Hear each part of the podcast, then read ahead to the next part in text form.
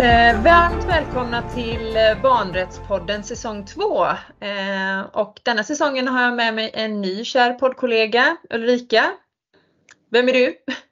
Ja, tack så mycket. Det var verkligen hedersamt att få vara det här uppdraget och försöka axla den rollen. Eh, ja, som sagt, jag jobbar och är advokat och mycket inriktning på barnrättsfrågor. Eh, men jobbar mycket med human juridik, så både brottmål och socialrättsliga frågor och eh, även framförallt familjerättsliga frågor. Mm.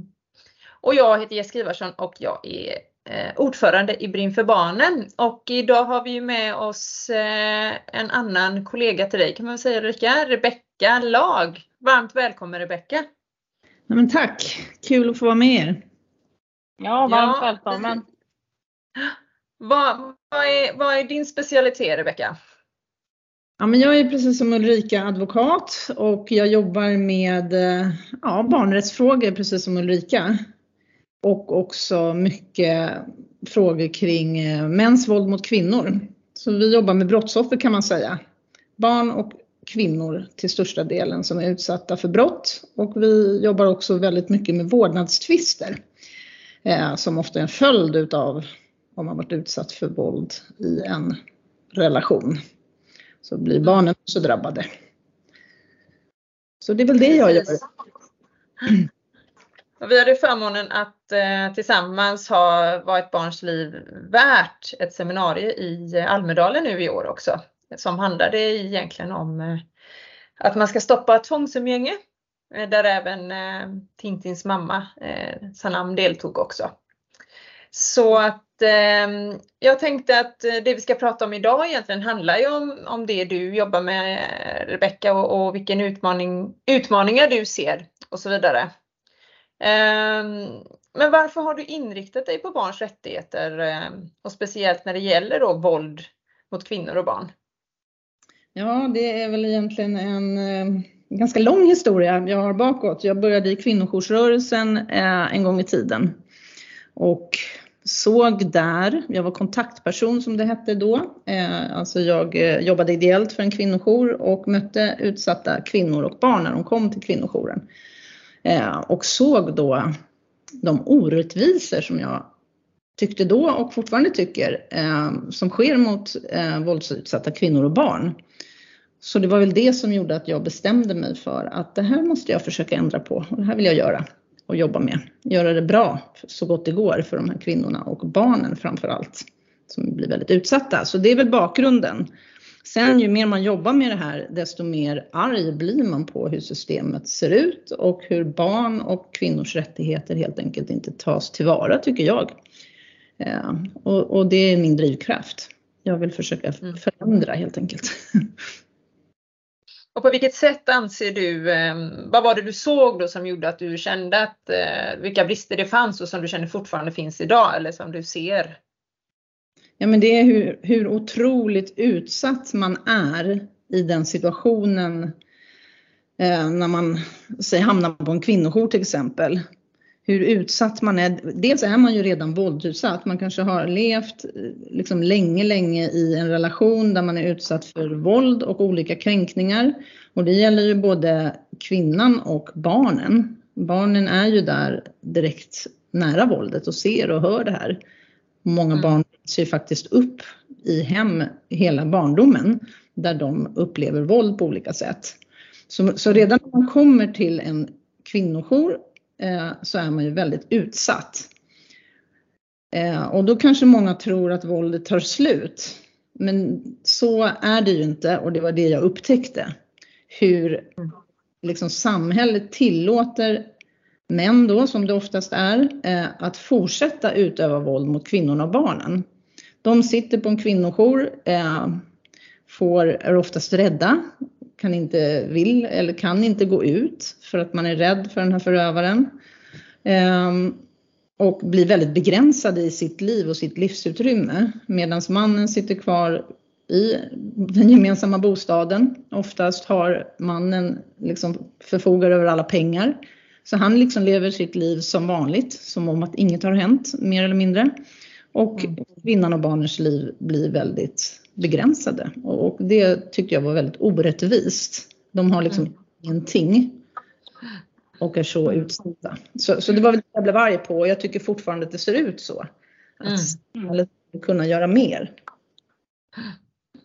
Så, så det, ja, jag har inte sett en förändring på, jag jobbar med det här nu i 20 år snart och jag tycker mm. att man pratar mycket om våld idag men det sker liksom väldigt få förändringar som verkligen förändrar situationen för de här barnen och kvinnorna. Mm. Och vad, vad, tänker du kring att det inte blir någon förändring i de delarna? Jag delar ju den uppfattningen också när man jobbar precis som vi gör. Vad, hur tänker du att det inte blir någon förändring? Ja, det är en bra fråga. Många gånger så, så här under årens lopp och det, det är jag säker på att ni båda också har sett, liksom att man får lite hopp. Man pratar från mm. politiken om mäns våld mot kvinnor och hur det ska förebyggas och liksom, det låter väldigt bra.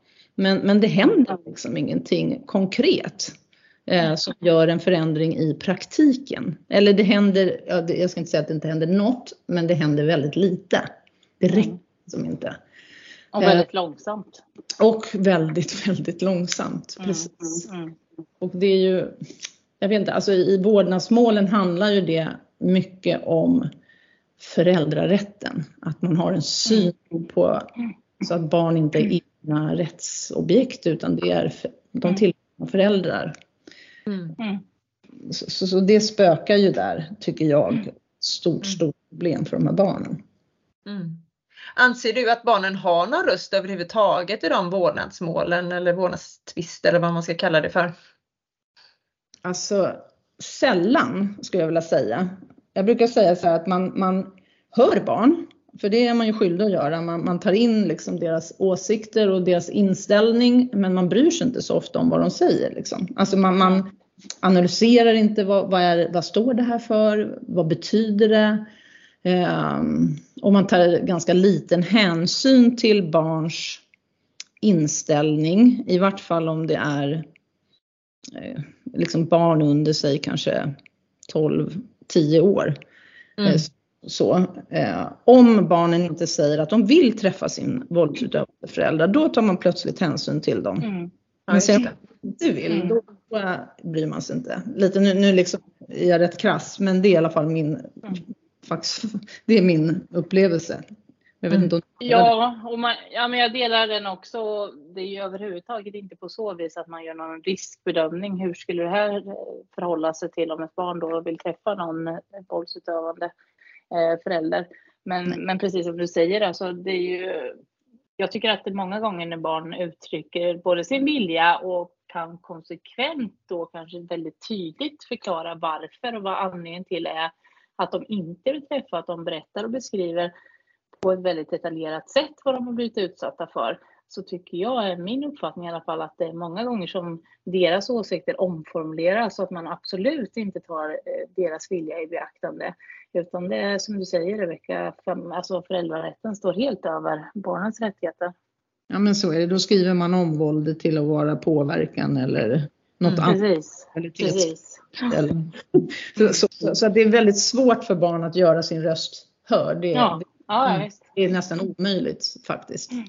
Men sen blir, sen blir man ju bestört också för vi i Brinn för barnen vi får ju in ärenden och ni båda tillhör ju vår advokatpool så vi tar hjälp av er. Och, och, och, bland annat ett ärende där barnet är väldigt litet så det kan ju inte prata för sig själv men där ändå vården har eh, också orosanmält kring den här ja, ena vårdnadshavaren då och hur, farlig den här personen egentligen är på grund av att eh, personen i fråga utsatt eh, den andra föräldern för väldigt grovt våld där även barnet var i fara när barnet var i magen. Mm. Men ändå gör man en bedömning att det här lilla, lilla barnet ska träffa den här föräldern mm. som har varit livsfarlig. Alltså jag kan inte ens förstå hur det är möjligt. Nej. Och det, det, kan inte jag heller faktiskt. Um, och det är det som är så frustrerande att jobba med de här ärendena för det är ju väldigt tungjobbat. Liksom. Mm. Det finns en massa föreställningar i samhället om våld. Liksom, det, det, finns ju väldigt få, skulle jag vilja säga, som är väldigt kunniga inom området. Domare och också faktiskt familjerätt och socialsekreterare. Sen finns det många som också är bra men, men jag tror inte att de, har man inte varit nära våldet, själv utsatt eller om man inte har jobbat väldigt, väldigt mycket med våld, då är det nog väldigt svårt att förstå liksom. Så då har man en massa föreställningar om till exempel så här, ja men eh, mamma och pappa har ju nu separerat så då är ju inte den här pappan som du säger Jessica eh, farlig för barnet. Han är farlig för mamman. Men vi måste mm. här mellan det här barnet och mm. pappa och mamman liksom. Mm. Men, men, men, samtidigt finns det ju också statistik som faktiskt säger att barn som bevittnar våld oftast också utsätts för det här. Alltså såklart psykiskt för att bara bevittna våld är ju psykiskt, alltså våld mot barnet. Men också är det ju oftast att de blir utsatta även för det fysiska våldet av den här våldsutövande föräldern. Mm. Är det någonting, den, saknar man den kunskapen eller är det att man eller, alltså jag kan inte, jag är så svårt att förstå för att om man liksom sätter sig in i det här med våldet, bara läsa på eller prata, det finns ju så otroligt mycket kunskap att tillgodogöra sig ändå. Vi har ju alltså massa statistik, vi har massa utredningar och vi har jättekloka eh, barnpsykologer, bland annat Björn Tingberg som är fantastisk tycker jag, som ändå berättar om det här och hur ett barn blir påverkat. Alltså mm. är det så låg kunskapsbrist eller vad är utmaningen? Eller är det också lagstiftningen som gör att det inte går att, att skydda barnen? Alltså jag själv tror att det är mycket, mycket det här som jag var inne på tidigare. Det är föräldrarätten som är liksom starkare. Så att man mm. tar in, de läser inte på forskning inför beslut liksom. Utan. Utan det, man tror på något naivt sätt att liksom alla föräldrar är goda föräldrar, alla föräldrar älskar sina barn och, och det kanske må vara så. Det behöver inte betyda att de är goda föräldrar och bra föräldrar. Men, men att man vill liksom att det ska fungera. Det finns en stark, liksom, eh, vad ska man säga, jag vet inte hur jag ska uttrycka det. Det finns en stark eh, föreställning eller det finns en stark praxis om att att, ja, men att föräldrar är goda och det ska vara kärnfamiljen, mamma och pappa. Liksom. Mamma och pappa är väldigt viktiga för barnen. Och det är klart att så är det ju om det är bra föräldrar. Vi pratar om undantagen här och det är det man glömmer bort. Liksom. Man utgår, mm. som Björn då brukar säga, barn i allmänhet och inte mm. undantagsfallen. Det är det som blir problemet. Man liksom gör en tankevurpa någonstans. Mm. Ja, precis. Mm. Och det är väl sällan, eller jag kan inte under alla de liksom utredningar, familjerättens utredningar som man ändå har läst att man grundar det på forskning, alltså den forskningen som finns, utan det är mer liksom, skulle jag kanske uttrycka mig, ganska godtyckligt att det är en person eller två personer som gör den här utredningen som jag radar upp olika risker som man ser kanske med en, eh, ett umgänge med en våldsutövande föräldrar. Men sen så kommer man tillbaka, precis som du säger Rebecka, att nu är omständigheterna annorlunda och att det torde inte vara några risker för barnet. Eh, men egentligen så har man liksom ingen grundlig utredning eller någon riskbedömning eller någonting. Det saknas ju helt och hållet. Liksom. Så det här är ju några personers egentligen eget tyckande och där man inte kan koppla på några andra uppgifter överhuvudtaget. Så det är ju en oerhörd risk för barnen menar jag på. Mm. Mm. Ja men precis det, riskbedömningarna glöms ju bort och också tänker jag så här, ja men säg att man är osäker för jag är säker på att det ibland är ganska svåra bedömningar om man mm. bara mm. till, ja men vad är vad i det här? Men jag tänker skyddet för barnet måste ju alltid, alltid gå före. Man kan ju liksom mm. inte chansa med barn, då får man ju liksom först säkerställa barnets skyddhet eller mm. skydd och sen får man i sådana fall ta reda på vad som är vad i det här. Mm. Men det, mm. det, gör man inte, man gör ju tvärtom här. Mm. mm. Jag brukar säga och sen man... hindras det ju mycket från, ah, förlåt. Nej, nej, men att man spelar rysk roulette med barn. Liksom. Mm. mm. Ja, vi tar lite och så ser vi vad som händer. Mm. Istället Exakt. för att tänka tvärtom. Liksom. Ja, ja visst är det så. Visst är det så. Men Ulrika, förlåt jag avbröt dig. Nej, nej men alltså jag var också inne på det. Det är ju utifrån olika, vem det är som gör den här utredningen. Alltså det är precis som du säger att en del eh, utredare är ju jättebra och har ett väldigt eh, kunskapsnivå medan Mm. andra saknar det. Så att det beror ju på, det är ju ett litet lotteri liksom, vem som ska göra de här utredningarna och hur det ska gå till och på så vis. Och sen är det ju också ett hinder också utifrån den sekretessen som gäller utifrån olika myndigheter där vi har polisen som har sin sekretess, olika sociala, alltså socialtjänster i olika kommuner. Eh, och, och där liksom tappar man ju väldigt mycket viktig information däremellan. Eh, så att det, det är ju oerhört svårt liksom att man kommer ändå fram till en, en riskbedömning som gör att man kan göra en, en riktig bedömning. Mm. Ja. Verkligen. Och jag tänker så här, alltså om man ser till barnfridsbrottet. Där, där tittade man ju liksom på forskning och, och liksom Mm. införde det här brottet utifrån liksom evidens och, och kunskap och allt så här du pratade om Jessica, hur, hur liksom man vet hur, hur barn skadas Mm. av vittna våld. Mm. Mm. Och man ändå tagit hänsyn till det och tyckt att det var viktigt. Men Mm. ändå så får det liksom inte genomslag i vårdnadstvisterna. Så det är ju något Nej. konstigt med det liksom. Mm. Varför Mm. titta på det där? För att man är rädd för att liksom kanske ha fel. Att liksom säga, Mm. man, kan, man säger inte idag att en förälder är olämplig. Hur mycket, tycker jag, man än har på föräldern så, så liksom vågar inte en domstol oftast, eller jag, det är väldigt sällan någon enstaka liksom, som säger att föräldern är olämplig. Utan man landar Mm. i samarbetsproblem. När det Mm. handlar om liksom, det är ju helt skevt. Mm. Och det finns det ju också rapporter från eh, att det är så i eh, domstolar. Ju. Ja. Men, men om vi bara går tillbaka till barnfridsbrott, alla kanske inte vet vad det är. Eh, Rebecka, kan du förklara vad, vad, den, eh, vad det betyder, den lagstiftningen? Ja, förlåt. Eh, ja, nej men ett barnfridsbrott, det innebär ju egentligen att, eh, att om ett barn ser eller hör våld mellan närstående perso personer så är det ett brott också mot barnet. Alltså det vill säga typfallet pappa slår mamma och barnet ser eller hör detta, då begår pappa ett brott, inte bara mot mamma utan även mot barnet. Mm. Och alltså straffas för det, får fängelse för, för brottet även mot barnet då. Så man säger att det är straffvärt, det är ett brott att slå någon närstående, någon, någon för barnet annan närstående. Mm. Mm. så. Eh, och ändå så, så verkar det i vårdnadsmålen då inte ha någon betydelse. Nej. Så. Och Barn- där skiljer det ju, ja, där skiljer det också att barnen är ju egna rättssubjekt för de har ju ett eget ombud då som man kan föra en skadeståndsprocess och så vidare. Så det skiljer ju också mycket utifrån vårdnadsmålen där man saknar egna ombud bland annat. Ja men precis och det är ju eh, ett stort problem för barnen i vårdnadsmålen. De har ju varken någon som för deras talan men de har inte heller rätt att överklaga ett beslut som går. Säg att vi har en 13-åring som inte vill träffa sin mamma eller pappa. Eh, Mm. Och sen dömer tingsrätten till det, då kan inte barnet själv överklaga. det. Och en Mm.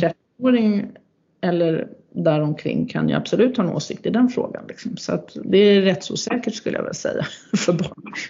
Mm. Mm, Men, men det, det är det jag tycker är så tragiskt också för jag har ju hört ehm, eh, Ja, det var ett specifikt fall men det är inte något som är nytt så men, men att man från socialtjänstens sida var det denna, denna gången att man anser att ett barn inte kan bedöma eh, och jag tror det här barnet var 9-10 år kan bedöma eh, att man verkligen inte vill träffa sina föräldrar. Eh, För man kan inte se hur det ser ut framåt. Men då tänker jag att men just nu kanske inte det här barnet vill träffa sina föräldrar av olika Mm. anledningar. Mm. Eh, och då kanske man får ta reda på varför och så får man liksom respektera det. Men sen kanske sen framöver kanske barnet i fråga vill det. Men jag, jag tycker det är så tråkig och eh, tragisk inställning tycker jag. Att man fullständigt struntar i vad barnen Mm. säger. På det Mm. sättet. Det, det är ju helt fruktansvärt och jag tänker vad gör det med barn då? Alltså ja, vad gör det med barn? Ja, Precis. åsikter och tankar inte spelar någon roll liksom. Nej. Ja. Och jag tänker många av de här barnen är ju liksom, de är ju inte hörda en gång. utan de har ju under hela deras barndom fått prata med olika socialsekreterare och familjerätt och, och så här. Och ofta har de ju uttryckt flera gånger liksom vad de vill och varför. Mm. Mm. Och då bryr sig ingen så de tappar ju liksom tilltron på hela vuxenvärlden. Mm. Ja, och, och tendenserna som jag har sett på senaste tiden utifrån att man ändå inte respekterar barnens rättigheter utan föräldrarätten står väldigt högt över är ju att, eh, ja men låt säga då att eh, en förälder får en ensam vårdnad utifrån man menar på den andra föräldern som har påtalat att man är väldigt oroad över att barnet utsätts för våld så blir man den som förstör umgänge och som inte kan tillgodose att man, barnet ska ha rätt till båda sina föräldrar. Eh, Mm. Men vilket gör att barnen då som kanske är runt 12-13 år har en bestämd eh, åsikt att de absolut inte vill träffa den föräldern som de påstår har utsatt dem för våld. Och att det blir då istället ett omhändertagande enligt ett LVU. För det finns en ensam vårdnadshavare som då inte barnet kan eh, vara hos. Och det är, det är flera av de målen nu som jag ser att istället för att vara hos den föräldern som de har varit trygga hos och som de menar på är skyddade hos så är det att eh, vårdnaden ändras och att man då går in med ett LVU, vilket är ju förödande konsekvenser för barnen. Eh, och som kommer skada dem. Mm. Men sen också tänker jag på, på föräldrar som ska skydda sina barn eh, för våldet, att man kanske då ja, säger att barnet inte vill gå på umgänge och så vidare och man anses då förstöra just det här med umgängesdelen.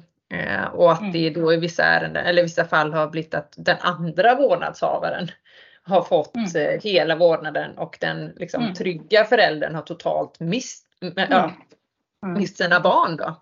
Mm. Och då är det helt plötsligt viktigt med att ha umgänge med båda föräldrar i de fallen. Då, då Mm. kapar man ju oftast barnets rätt till umgänge med den trygga anknytningsföräldern. Liksom, och mamman ofta i typfallet. Då säger man att barnet ska avprogrammeras Ja. Mm. ett tag. Liksom. Mm. Och inte påverkas av den föräldern. Mm. Alltså det är helt skevt liksom. Mm. Om man nu tänker barnrättsperspektiv. Det är som om man straffar barnen, alltså man, man straffar mammorna då i typfall. Mm. Att de, man tycker att de måste fa, liksom fatta att de får inte obstruera umgänge, de liksom vägrar lämna ut. Så då ska de straffas genom att få vårdnaden. Men de egentligen straffas är ju barnen. Vad händer? Ja, visst är det så. Mm. Eh, Så, så det, är, ja, det, är väldigt, det är väldigt svårt och väldigt frustrerande att vara ombud i de här processerna ibland. Mm. Säger du? Ja, ja nej, men jag håller med helt och hållet och just att det inte verkar liksom gå fram eller nå fram att de här processerna, det enda som de skadar är barnen, det är inga andra. Det liksom Mm. inte, handlar inte om, om båda föräldrarna och vem som ja, man ska helt enkelt knäcka i de här delarna utan det är ju barnen som står mitt i det här som påverkas och mår Mm. sämre och sämre och sämre. Ja, nej men det är precis det. Men eh, ja, nej det, det är fruktansvärt. Men, Så. men jag tänker så här. eh, om, vi, om vi ser då på vad är det som händer? Vad är det för förändringar på gång? För att det blir ju ofta så här nu hemska som hände med Tintin och så blir det ett Lex Tintin och så blir det en jättestorm och det ska hända massa saker. Och, men Mm. vad är det egentligen som händer nu? Sker det några förändringar eller? Ja, där kan man väl säga så här att om man backar tillbaks lite grann så gav ju, och nu vet jag, jag tror, säger jag nu för jag kommer inte riktigt ihåg, jag tror att det var förra regeringen som gav direktiv att man skulle utreda det här med att ska våldsutövande föräldrar, eller ska barn behöva umgänge med våldsutövande föräldrar? Så då Mm. tillsatte man eh, en utredning eller jag tror att man gav tilläggsdirektiv kanske till en sittande utredning. Eh, Så skulle man utreda det här och det gjorde man. Eh, Och så kom då den här utredningen och det var väl i våras om jag minns rätt. Och den heter Tryggare hem för barn. Eh, någonting och där i finns det då ett kapitel där man har tittat på den här frågan. Om man, barn ska behöva ha umgänge med våldsutövande föräldrar. Och där sa man helt enkelt att man tyckte inte att man skulle lagstifta kring det. Eh, för när de här direktiven kom, då, det var ju ett sånt här tillfälle då man tänkte att nej men jäklar nu händer kanske något på riktigt liksom. Mm. Mm. Eh, så. Men det gjorde det inte för att deras förslag var eh, helt enkelt, idag är det ju så att man när man ska ta beslut om vad som är barnets bästa, eller en domstol, då ska man titta på två saker särskilt. Och det är, det första är ju skyddet för barnet. Att barnet utsätts bland annat för våld. Eh, eller far illa på något sätt, annat sätt. Och det andra är att barnet har behov av en nära och god kontakt med båda föräldrar. Så de två sakerna ska man titta särskilt på som domstol och familjerätt då när man tar de här besluten. Och de går ju inte ihop när det har varit våld. Nej. Nej. kan inte förena de två utan Nej. då får man välja. Och praxis har ju varit så, det visar ju alla de här rapporterna från JämO och så, att, att det är ju föräldrarnas, eller den nära och goda kontakten med båda föräldrar som väger tyngre än barnets skydd. Mm. Och det säger den här utredningen att man vill ta bort båda de där två. Och så ska man göra någon slags, eh, vad heter det, liksom sammantagen bedömning om vad som är barnets bästa. Och så tror man att det ska hjälpa de här barnen. Eh, och min fasta övertygelse är att det kommer inte hjälpa de här barnen alls. För att Nej. den möjligheten finns ju idag att göra en helhetsbedömning. Mm. Mm. Jag menar att man måste lagstifta om att det ska vara en presumtion. Så Mm. huvudregeln ska vara att har det varit våld så ska det inte heller vara något umgänge Mm. Mm. när man har utrett frågan. Så att presumtionen Mm. ska vara tvärtom mot vad den är idag. Det är så jag tycker och det är det enda jag själv tror kommer att hjälpa de här barnen. Mm. För att en domstol, man kan inte lämna en helhetsbedömning till dem. Det vet vi redan. Nej. Nej, och det är ju, nej, det måste ju ställas liksom, om man bara skrapar på ytan, man måste verkligen göra en förändring, precis som du säger Rebecka. Och man måste lagstifta precis som det är så att man ska motbevisa de andra delarna. Ja, men jag tänker också att det är ju lite på gång på det sättet att frågan är verkligen aktuell sedan Tintin mördades. Så Mm. har den ändå kommit upp lite på tapeten. Frågan är ju bara vad politiker gör med det. Mm. Alltså på Almedalen Jessica, alla var ju eniga där om att någonting Mm. göras liksom. Mm. Det är bara frågan om, kommer det ebba ut? Eller kommer det Mm. liksom att, att faktiskt bli något? Mm. Mm. Och utredningen den har ju varit ute på remiss och ska ju beredas eh, nu liksom. Så, så att det är ju ändå på gång. Mm. Frågan om vad blir det av det? Mm. Ja, och det är alltid så när det blir sådana tra tragedier också, att det liksom flaggas upp och det är ute i media och liksom ändå domstolarna kanske blir mer medvetna om det och att man då över en tid ändå kan se att man är lite mer restriktiva när man tar beslut i umgängesfrågor. Men sen så liksom övergår det lite mer till att stödja med föräldrarätten kan jag tycka. Så att det, det måste liksom ske någon förändring annars tror jag liksom det bara blir lite nyhetens behag eller när det flaggas upp och man har lite under loopen liksom så. Ehm, så, så att nej, det måste nog till en förändring. Ja, men Men föräldrarätten är ju något vi pratar om väldigt ofta beroende på vad det är för typ av barnrättsärenden då. Eh, Sker det någonting kring föräldrabalken eller förändringar när det gäller föräldrars rätt till sina barn? Eh, nej, det är väl den här utredningen. Men Ja. inte annars vad jag vet i alla fall. Eller vad vet du något annat Ulrika? Jag, jag kan inte komma på något nu. Nej, jag kan inte heller komma på. Jag kan bara liksom dra en parallell till när barnkonventionen blev lag, liksom att man har antog det nu, att det där skulle vara lag och det skulle vara liksom göra skillnad. Den, den finns ju i grund och botten, liksom att utgångspunkten är där, men det är ju liksom, man måste ju tillämpa den också, applicera allting. Eh, så Ja, att det är, Det är ju verkningslöst egentligen. Ja, ja men precis. Ja men det är ju det. det, det den Mm. finns där och det är liksom utåt sett så är det bra att vi har nu anpassat och barnkonventionen och allting. Men tillämpar man inte den eller liksom ger uttryck för att barnens vilja överhuvudtaget ska ha någon betydelse så, så är det precis likadant där. Att det, det gör ingen skillnad i de här delarna. Ja, men- för att återgå återkoppla lite så ser inte jag att det är någon annan förändring förutom den här SOUn som har varit. Alltså det, det man pratar lite grann om som slog mig nu, det är ju den här äh, lagstiftningen som ska komma kring äh, placering på skyddat boende. Att barn ska Mm. ha placeringsbeslut. Och det där är lite intressant för då, då framställs det ju liksom i media och även från politikerhåll som om att det skulle vara det som då ska skydda barn från våldsamma föräldrar. Alltså att sociala ja. barn får egna placeringsbeslut och på det sättet kan vi då liksom förhindra våldsam, barn att behöva träffa våldsamma föräldrar. Ja. Och Det där är bara floskler menar jag för att Ja. det är ju högst tillfälliga beslut till att börja med. Vad händer sen då när placeringen är upphört? Mm. Ja, ja. Liksom, men men man i, framställer det från politikerhåll som om att man faktiskt gör någonting åt det här med umgänge med våldsamma Mm. föräldrar. Fast det inte är så. Liksom. Nej. Mm. Och att det här ska vara en trygghet och skydda barnen fast det liksom bara är som någon mantel liksom, som de skyddar sig bakom för att man ska göra någonting. Ja Mm. men det är så. så. Så det är väl i och för sig på gång också då, då att barn som blir placerade att de ska ha egna placeringsbeslut och därmed egna rättigheter under Mm. placeringstiden. Så det är väl ett sätt att stärka barnrätten men, men det är ju inte det. Det är väldigt kortsiktigt liksom. Mm. Alltså man bor ju inte skyddat så länge. Så att, Nej, precis. och sen kom väl det här med att man föreslår att ratificera det tredje Mm. tilläggsprotokollet. Men det handlar inte om vårdnadsbarnen utan det handlar om placerade barn. Eller hur? Ja, placerade barn. Ja, ja Mm. precis.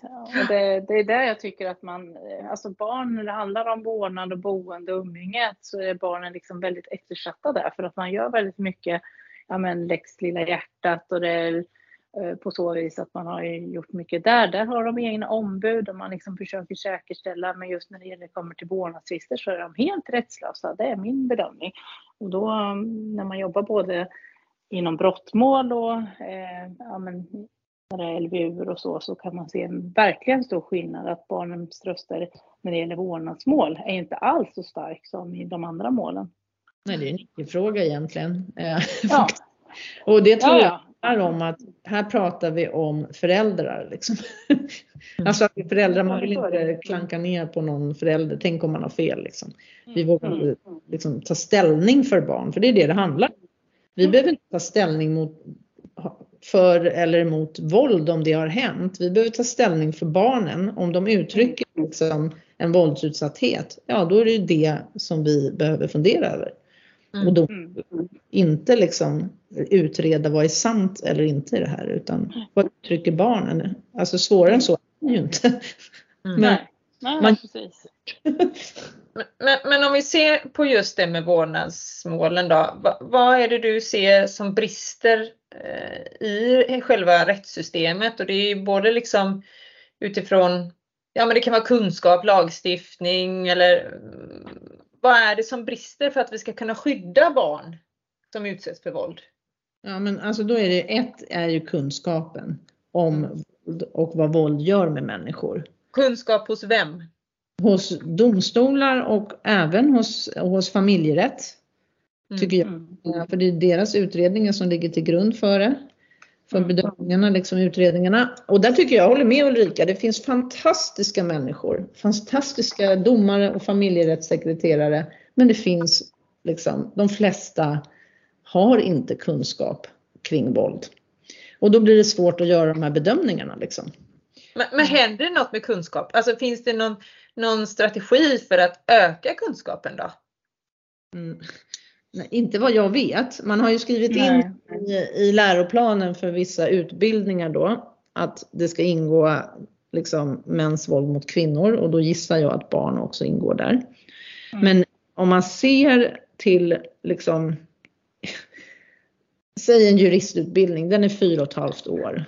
Mm. Av de fyra och ett halvt åren ska du få, nu kommer inte jag ihåg rätt, jag tror att det är tre högskolepoäng i mäns våld mot kvinnor. Vad, vad pratar vi om då? Vad är det en dag? Eller liksom, det, det, det kan ju inte ge den, den kunskapen som behövs liksom, för att förstå det här väldigt svåra faktiskt. Eh, Nej, det är bara en övergripande för att ens veta vad det är liksom. Men det är inte Ja. det här djupgående. Så, så att alltså man behöver jag tänker så här. Det, det jag skulle vilja se är barndomstolar eh, där det sitter människor. Då menar inte jag att man ska kanske öppna en fysisk barndomstol. Det räcker med att säg en enhet på en domstol eller ett visst, liksom, en avdelning på en domstol har specialkunskap som Mm.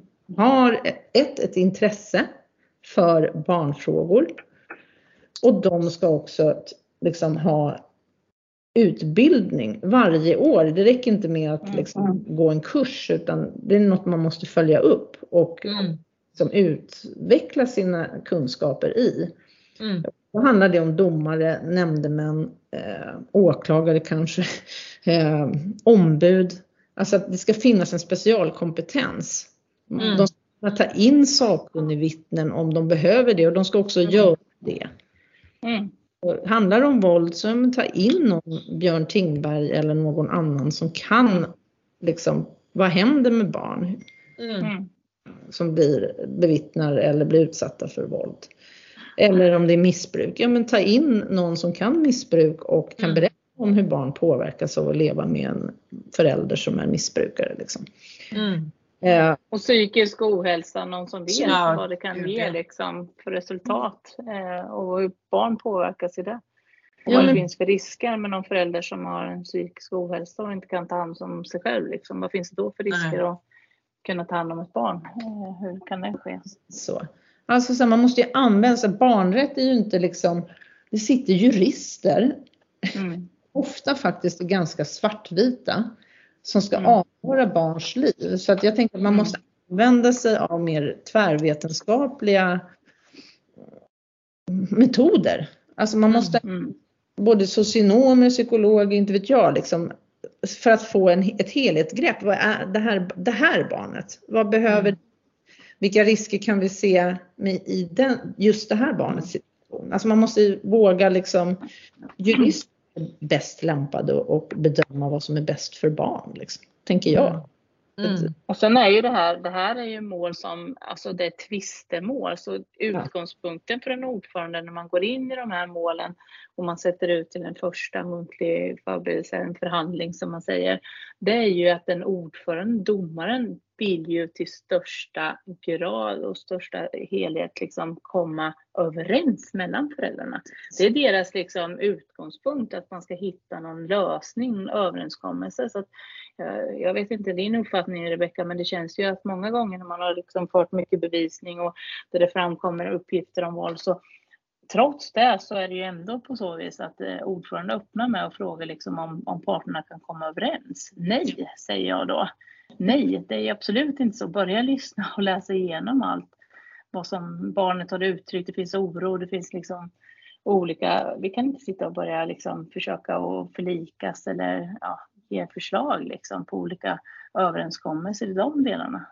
Nej, jag håller med dig. Det, det är ett stort bekymmer och man pressas ganska hårt som Mm, mm. att hitta lösningar och skuldbelägg oftast liksom. Ja, men hade man Mm. kunnat hitta lösningar så hade man väl inte suttit där. Alltså för mig är det helt så här Nej. väldigt ologiskt på något sätt. Men det är för att det är tvistemål som Ulrika säger, de är skyldiga Mm. att utreda den Mm. delen. Också. Mm. Men då måste man ju stå på sig, våga stå på sig. Mm. Mm. Så. Men, men tyvärr Ja, ja, är det precis. så också att Alltså internet är ju bra i mångt och mycket men det är också många som liksom såklart som är i vårdnadstvister som läser mycket och, på nätet Mm. och ser de värsta värsta exemplen så man vågar Ja. inte stå för sig själv för man tror man ska bli vårdnaden och så här. Mm. Mm. Men-. Men, kunskap är första då Rebecka. Något, an- eh, sen då? Lagstiftning? Ja, lagstiftningen för de våldsutsatta barnen, det, det, det är min övertygelse att det är det enda som kommer att hjälpa så som det ser ut idag. För att det handlar ju någonstans också om liksom så här, normer och värderingar i samhället i stort som måste förändras och det tar tid. Mm. Och de liksom, normer som finns idag det är ju att föräldrar och barn ska umgås och ha Mm. kontakt. Så, så att Mm. så som det ser ut idag så, så är min absoluta övertygelse att det måste lagstiftas. Annars Men är kommer... lagstiftningen idag för tolk, alltså, alltså Går det att tolka den lite som man vill eller är den tydlig anser du? Alltså idag, jag menar att egentligen så är lagstiftningen idag fullgod om man bara läser lagen. Det är hur den tolkas liksom. Att, det här, mm. att man inte låter skyddet gå först utan mm. att det är föräldrarätten som styr. Liksom. Mm. Men det finns ju utrymme att faktiskt skydda barn. Mm. Eftersom man ska ta, ta det också, titta särskilt på skyddet, barnets behov av skydd. Riskerna för barnet alltså. Mm. Eh, men det är det man inte gör och därför menar jag att eftersom vi nu har det här och har haft det i så många år eh, och det sker ingen förändring så måste man vara tydlig i lagstiftningen. Mm. Annars så kommer de fortsätta domarna att tolka det eh, som de har gjort hittills. Det är i alla fall min övertygelse. Mm. Men, men, det är väl också väldigt viktigt då tänker jag att, att barn får ett eget ombud oavsett vad det, vad det handlar om. Så länge det handlar om en fråga som berör deras liv så ska väl ett barn alltid ha ett eget ombud?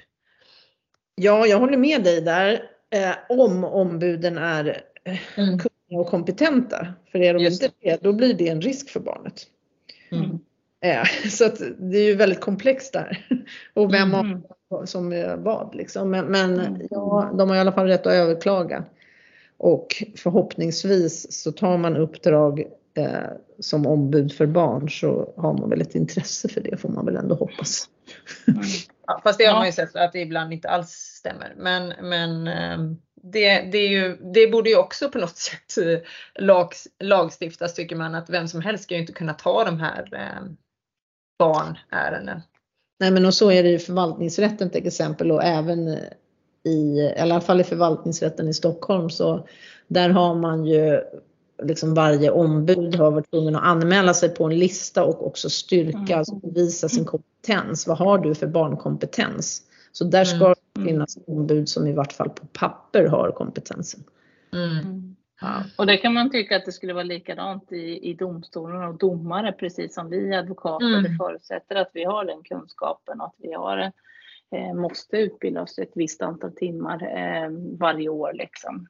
Mm. Tycker att det kunde vara lika där.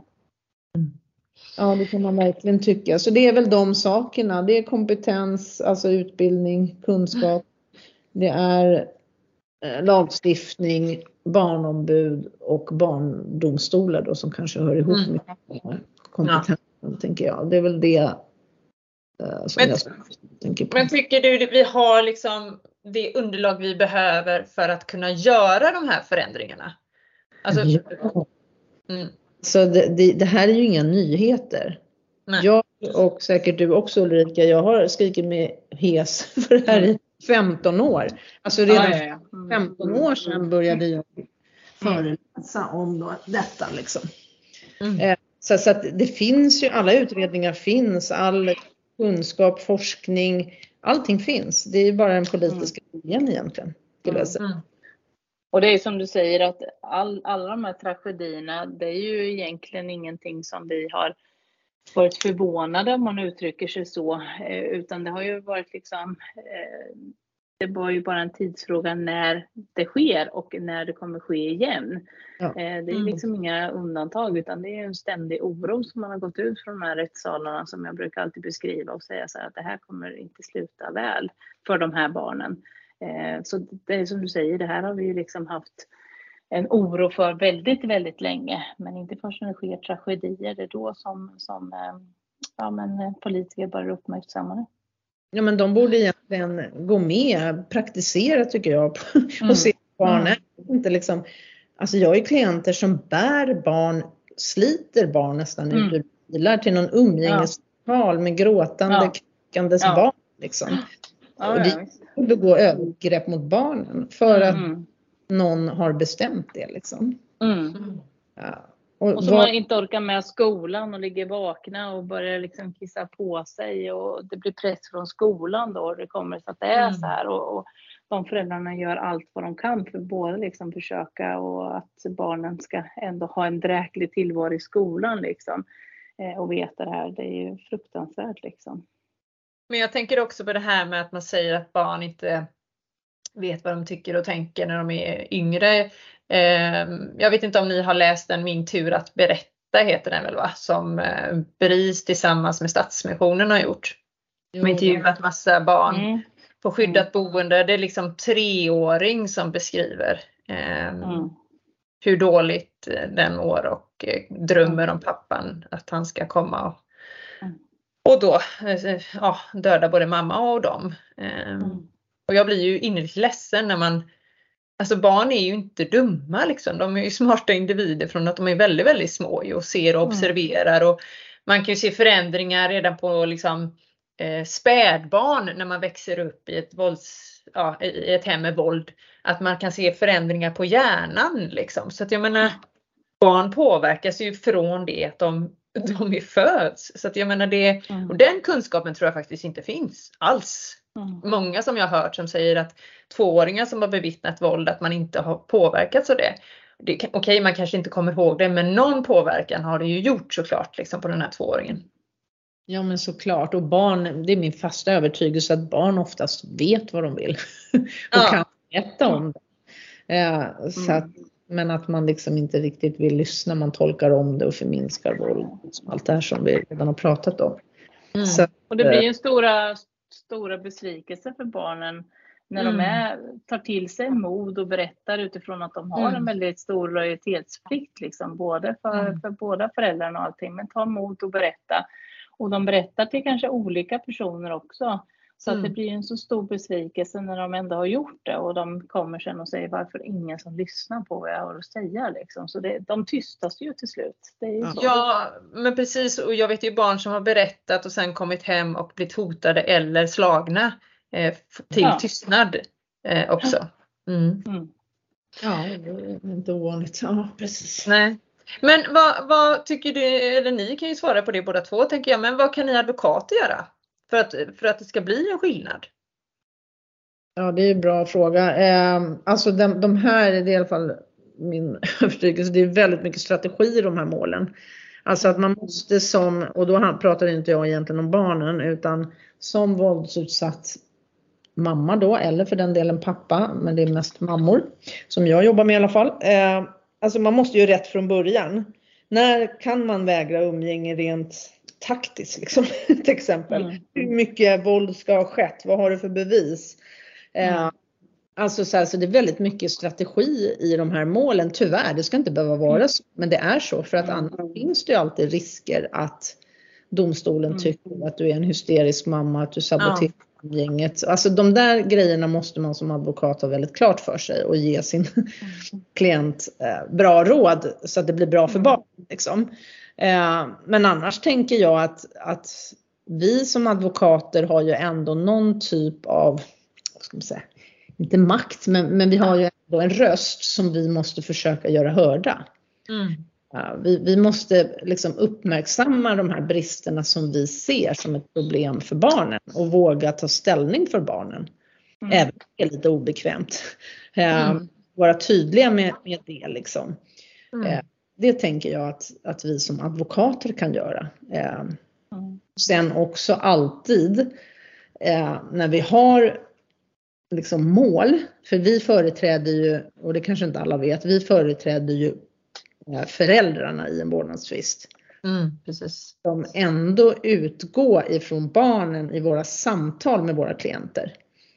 Eh, liksom, vi, vi är styrda av vad våra klienter vill att vi ska göra. Liksom. Det är de- deras uppdrag vi har. Men det förhindrar oss ju inte att prata med klienterna om ett barnperspektiv. Vi måste liksom ge råd som utgår från barnen och vad som är bra för dem. Även Mm. om vi liksom kanske ibland går emot våra klienter och säger nej men jag tycker inte så där för Mm. att bla bla bla liksom. Mm. Ditt barn kommer fara illa om vi gör så som du vill. Jag förstår att du är, är orolig och att du tycker så här men du måste hålla fokus på ditt barn. Mm. Så tänker jag att vi måste försöka vara bättre på, i alla fall att många ombud måste bli bättre på att vägleda klienterna på ett bra sätt genom de här processerna. Så att det inte blir den här smutskastningen i onödan. Liksom. Foka Mm. på saker, foka på barnen, inte på vad Mm. mamma eller pappa har gjort för tio år sedan. Liksom. Nej. Om det liksom riskfaktorer för barnet än idag, psykisk ohälsa, våld, missbruk. Mm. Men om mamman eller pappan inte har bytt blöja på barnet när den var två år någon gång. Ja, men kanske inte har bäring på målet idag. Nej. Nej och, och, det tycker jag är viktigt att lyfta också faktiskt för att um, just det här med, med ja, mammor då oftast, men även papper. Men om, om vi tar då till exempel en, ett ärende som, som jag har lite koll på så är att där mamman eh, är så pass eh, hon mår inte heller bra i allt som händer såklart. Så att eh, pappan eh, misshandlar något fruktansvärt och håller nästan på att döda den här mamman vid ett flertal tillfällen. Men barnen är ju totalt försummade. Alltså de har ju ingen vårdnadshavare som ser till deras bästa Nej. överhuvudtaget. Mm. Nej, det är precis det jag pratar om. Då måste mm. man liksom kliva in för att mm. ta ställning för barnet någonstans. Försöka ja. sin klient till rätta. Sen kanske inte det alltid går, men man måste våga ta fighten också med egna klienter ibland. Mm. Eller fighten, men förstår du? Liksom man måste mm. prata klarspråk. Mm. Och ja, som du säger, ja då kommer det här och det här hända för ditt barn och det är inte bra. Liksom. Mm. Typ. Jag vet inte vad du säger Ulrika men Nej, nej men jag, jag delar helt och hållet din uppfattning och jag tror att vi jobbar nog väldigt lika på så vis utifrån att vi också har barnperspektivet i fokus.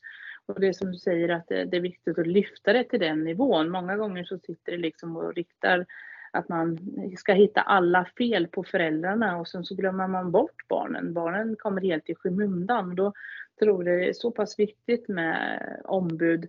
Och det handlar ju precis som för oss att är man specialiserad i vissa frågor så har man ju mer kunskap och det, det tror jag är, är liksom en, en faktor framåt för att man ska kunna gynna barnen. Eh, att kunna vara tydlig, precis som du säger, mot sina klienter att gör vi på det här sättet och kunna ge dem råden och jag är väldigt öppen på så vis också att eh, utifrån de här, då kommer barnen kanske påverkas utifrån om vi gör på det här viset. Så det är klart att det, det, måste vägledas i de här målen och att det måste bli väldigt tydligt och sen att fokus har helt och hållet på barnen. Mm. Ja, inte alltid, för, för många kan ju så här höra av sig så här, vinner du dina mål? Men det är inte det mm. det här Det handlar vinna mål. Det Nej. handlar om att ja, men skydda barn, liksom. göra det mm, bättre mm, utifrån mm, barn. Mm. Jag tror att många ombud trissar upp också målen och försöker hålla sig lugn. Sen ibland kanske man måste liksom säga ifrån. Självklart måste man det. Jag säger inte att man ska jamsa med. Men man måste ha barnet också i fokus. Mm. Mm. Man måste bort liksom. Mm. Nej, och sen är det ju väldigt långa processer så att det, det gäller ju liksom att man skapar ett bra förtroende och att man liksom jobbar som ett team och liksom tar in och tar till sig all kunskap som man har och sen så får man försöka anpassa det och applicera det utifrån de olika målen. Ja. Det är ju inte att alla mål är på samma sätt liksom utan det är ju att man får göra noga överväganden hur man ska gå vidare och hur man ska göra liksom. Mm, precis. Men finns det några andra alltså inom rättsväsendet, eftersom det är kanske det vi pratar om, rättsprocessen och sånt, som du tycker faktiskt ska höja sin röst och, och jobba för en förändring kring det här? Alltså jag skulle önska att fler domare tog ställning. Mm. Visst. Ehm, jag tycker att domarkåren kan göra mycket mer. Sen vet ju jag att de kanske inte alltid delar min uppfattning och hur jag ser på våld och vårdnad. Men, men eller jag, min. Ja, eller din. Ja, precis. Eller våra nu. Lika. Ja, med våra. Många som jobbar på advokatsidan tror jag. Ja, eh, men jag tycker ändå, jag vet att det finns domare som liksom ändå kan våld och förstår våld. Så jag tycker att de borde vara lite modigare och kanske liksom så. Eh, så, så det, det är väl det. Eh, Sen tycker jag kanske att nämndemännen tror jag oftast, eller så har jag i alla fall tolkat det, må fel, men eh, att de kanske inte alltid liksom får kunskap eller ens möjligheter att liksom avgöra de här svåra frågorna. Får de utbildning? Så de sätts där på ett mål utan egentligen särskilt mycket vägledning i någonting. Det måste ju vara väldigt svårt för dem liksom. Mm. Kanske man ska utbilda dem, kanske de ska få bättre förutsättningar att döma på ett schysst och bra sätt liksom. Även mm. för deras egen skull. Mm. Ja, visst. Mm. Kanske det ser olika ut i olika domstolar, det vet inte jag.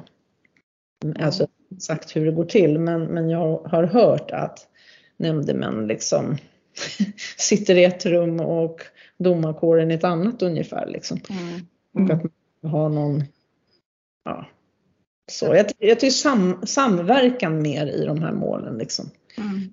Generellt. Um, Att ta in mer kunskapsexpertis tänker jag eller jag vet inte. men det var ju det jag var inne på tidigare. Ja. Kunna ge domstolen också mer verktyg kanske. Mm. Eh, Alltså så här, har man en missbrukande förälder eller det finns liksom indikationer på att här har vi ett problem med alkohol eller droger eller så.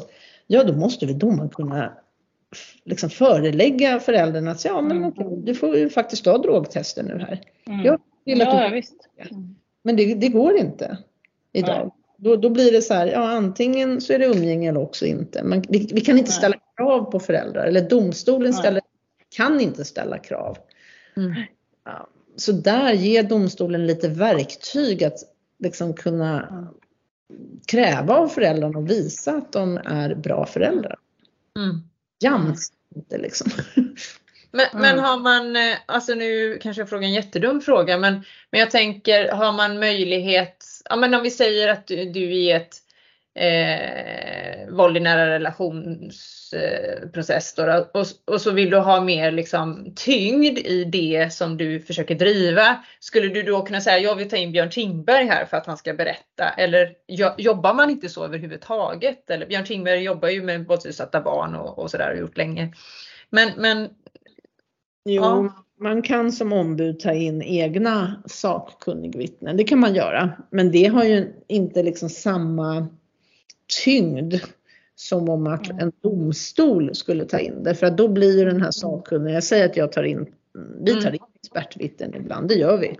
Men det blir på något sätt som ett, som om att man ser det som eh, att de är partiska då med den som begär in det. precis. Och då Och blir många gånger så uppfattas det ju det också som lite mer generella liksom, Ja. kanske forskning och, och lite, ja, och då tittar man också så, har den här personen träffat barnen, kan de ge syn? Alltså, så att man hamnar ju lite i en bevisvärderingsfråga, hur man ska ställa det liksom och Ja. eh, hur man ska värdera den bevisningen. Mm. vore det bättre om en domstol bara, ja men okej, nu Ja. har vi våld här. Vi tar in Mm. eh, Björn eller någon annan som är kunnig i det här området så att Ja. Vi kan förstå hur, hur det här påverkar barnet.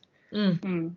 Um, Eller vad det nu handlar om. Liksom. Så det, det Och skulle, ha, spec- ja, precis, och ha specifika frågor som just gäller Ja. det här målet. Hur skulle det här kunna påverka det här barnet? Barnet berättar på det här viset. Vad, vad liksom ger det för uttryck? Kan det vara sannolikt att det är på det här viset eller inte? Att man får det underlaget som du säger Rebecka. Mm. Men- där kom jag på nu när vi pratar om, ja, om lagstiftningar. Det slog mig att den här nya utredningen jag pratade om tidigare, där föreslår man ju faktiskt att psykologer, domstolen ska kunna förordna psykologer Mm. som inte träffar barnet utan som läser liksom all, alla Mm. handlingar och gör någon slags utsaga om det. Att domstolen skulle kunna förordna om en sån. Och det kanske är bättre än vad det det, är. Men, ja. Men varför ska man inte Ja. få träffa barnet? Det blir väl, ja, var, ja, det där kan jag vara lite skeptisk till. Det är väl alltid som du säger, eller bättre kanske att få in det än att det inte finns idag. Men det är också beroende på vad som står skrivet då som man ska Ja, bilda precis. sin uppfattning. Det är ju inte att man gör en personlig uppfattning utifrån sin kompetens som liksom barnpsykolog när man träffar det här barnet. Utan det är ju mm. fortfarande på så vis att det är i skrift och det är någon som har skrivit här eller det finns liksom orosanmälningar. Och då beror det ju på vem det är som har skrivit här och göra Ja. den bedömningen. Så att jag Mm. är fortfarande väldigt skeptisk till varför man skulle kunna ta in det. Alltså hur, hur verknings, ja, det skulle vara överhuvudtaget. Ja, och, och tänker man sig då, eh, som ofta händer, att, att våldet försvinner i utredningar och kallas samma Exakt. Ja, precis. Så har du ingen alls, så det har du alldeles rätt i. Men det är bättre kanske än inget, kanske att det finns en liten Ja, absolut. Jo, men så är det. Så är det. Då kan man vara lite mer kritisk som ombud ändå i alla fall och, och se det till. Ja. Men sen tänker jag också, jag har eh, i andra länder har jag förstått att man kan skicka föräldrarna iväg på psykologutredningar som utreder deras omsorgsföräldrar liksom Mm. förmåga och det för de flesta föräldrar som hamnar i domstol, då, då finns det någon problematik hos någon av föräldrarna. Mm. Liksom. Mm. Så det kanske kunde vara en idé. Alltså för då skulle det liksom, då släpps ju sekretessen så som jag uppfattar det och man gör ja men typ så här äh, rättspsykiatriska utredningar fast i vårdnadsmål. På Mm. Det var jättebra. För jag, jag tänkte faktiskt fråga det som en av de sista frågorna här nu till dig Rebecka, men är det något land som du anser arbetar bättre i de här målen än vad vi gör? Alltså det finns väl ehm, liksom, man kan plocka lite här och där. Mm. Ehm, och det här är en sak. Det här fanns i alla fall förut i England. Att man kan utreda föräldrarna. Mm. Ehm, så det, det är någonting som är bra. En annan sak som är bra det har ju eh, Unison lyft ganska mycket är att man i Norge då, där är domarna eh, skyldiga att förmedla sina beslut till barnen. Vilket då kanske eh, gör att de tänker efter lite. Vem ska tala om det här för barnet och varför har, har domstolen tagit det här beslutet? Det måste förmedlas till barnet direkt av domaren. Och det låter ju ändå väldigt klokt. För det är väldigt, hur får barn reda på och hur ska barn förstå de här besluten? Så det tänker jag, det har ju ändå ett tydligt barnfokus. Mm. Så Ja, men, men samtidigt om inte barnet har fått vara med i rättsprocessen så är det ju också på något sätt, ja nu ska du bara få reda på hur det blev. Ehm, så ja, jag, Ja. jag, jag är inte riktigt såld på det, men, men jag, alltså jag tycker det är bra att, att man ska berätta, men, men fortfarande är det viktigt att barnperspektivet är mer med under hela processen såklart. Mm. Men jag Mm. tänker att det, det ändå är bra att de får det direkt från källan. Mm. Så för Mm. så kan det, idag kanske det blir så här, ja då får barnet reda på mamman säger någonting, att det här har hänt och varför och pappan säger något annat. Mm. Och barnet, Mm. så, så, så föreställer jag mig att det går till många gånger i alla fall. Att barnet Mm. inte vet utan får höra olika saker av sina föräldrar kanske. kanske. Mm. Mm. Eh, Så det är väl två saker som är bra. Jag försöker tänka på, det är det jag spontant kommer på. Vet du mer Ulrika? Liksom? Nej, men jag tänker också det. Eller det är väl det som man har lyft som man verkligen har tänkt att det skulle ändå kunna förändras lite. Mm. Och undrar om det inte är så. Jag vet att jag är det inte amerikanska rätten som ändå ger barn möjlighet till egna ombud i vårdnadsmål. Att det är väldigt kritiserat eh, till en början men att sen tyckte man att det fungerade väldigt bra. Eh, jag, ja, ska jag låta det vara lite osäkert men någonstans så finns det egna ombud i alla fall. Och det är väl också någonting som vi förespråkar och vi jobbar väldigt mycket för. Mm. Ja, precis. Den frågan har varit uppe i många, många år och omgångar så det går upp och Mm. ner där liksom. Men Mm. just verkar ju det vara en av de sakerna man faktiskt pratar om. Ja. Mm. Mm. Även politiskt. Så vi får hoppas Mm. att det är ett steg i rätt riktning så att säga. ja. Men om vi skulle sammanfatta det här egentligen då så handlar det ju mycket om kunskap och det handlar om att föräldrarätten är stark som vi alltid pratar om. Så det känns ju verkligen som att det är något man bör se över att barns rättigheter ska väga tyngre än sina föräldrars. Ehm, och det handlar om lagstiftning, tydligare lagstiftning som sätter barnen i främsta rummet. Och ett eget ombud med kunskap och eh, ja, barnrättsdomstolar, det är väl egentligen där man får det ombudet då, tänker jag. Ja. I så fall. Mm. Men eh, jättebra, men vill du att våra lyssnare ska ta med sig något speciellt från dagens samtal Rebecka? Oj. Det var. Ja, vad, vad ska man ta med sig? Nej, men jag tänker att man, man kan ta med sig att eh, alltså någonstans så måste man ändå tro att man, man ska inte vara så rädd. Många i alla fall som ringer till mig är ju väldigt rädda för att ingå, alltså gå in i en vårdnadstvist och det kanske med all rätt. Men att man inte Alltså man måste ändå tro på rättssystemet någonstans. Det som är viktigt är att man väljer ett ombud som har rätt kompetens för den frågan som är huvudfrågan. Liksom. Är det våld så ska man ha ett ombud som kan våld ordentligt. Handlar det om missbruk så ska man ha någon som är duktig på missbruk. Liksom. Mm. Och, alltså man, man måste ha ombud som inte bara jamsar med utan som, har, som är van att processa i de här målen för de är svåra. Eh, och som har rätt kompetens. Men jag tycker inte att man ska vara rädd att processa om man måste det. Alltså Mm. man måste skydda sina barn och ibland är tvister det enda möjliga liksom. Så. Mm. ehm, jag vet. Jag tänker att, att jag vill ändå ge lite hopp och, och de flesta fallen Alltså det finns skräckexempel självklart, men de flesta fallen där man liksom har underlag och det finns till exempel en våldsproblematik. Det blir i alla fall bättre för barnen än om man bara liksom fortsätter att utsättas för våld och jamsar med den här förövaren någonstans.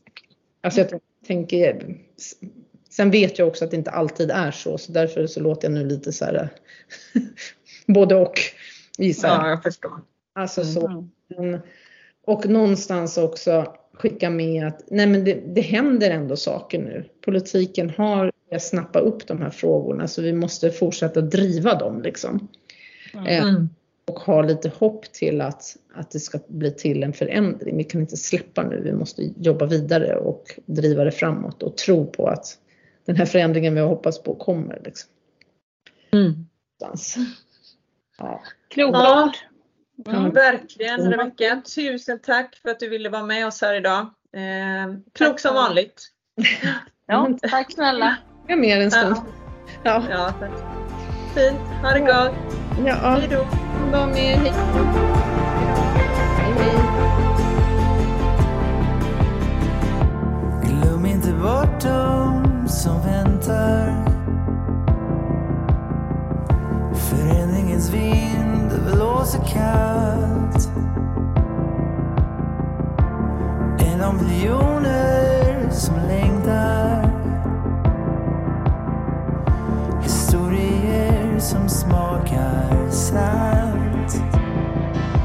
Jag vet att det är svårt att se de som inte har något val. Regissera slutet, en tagning kvar. Brinn för barnen, brinn för dem, brinn för dem som inte somnar om. Slå hårdare mot fienden tills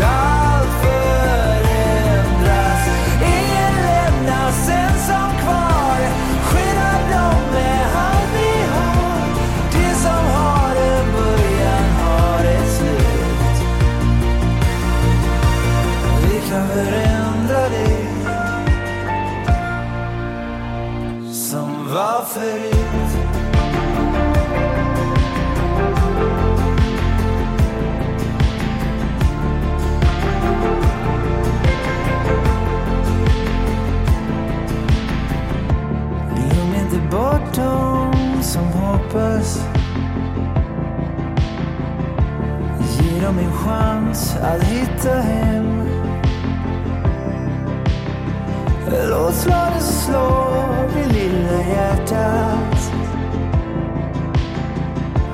Tystare slag som slår igen. Regissera slutet. En tagning kvar.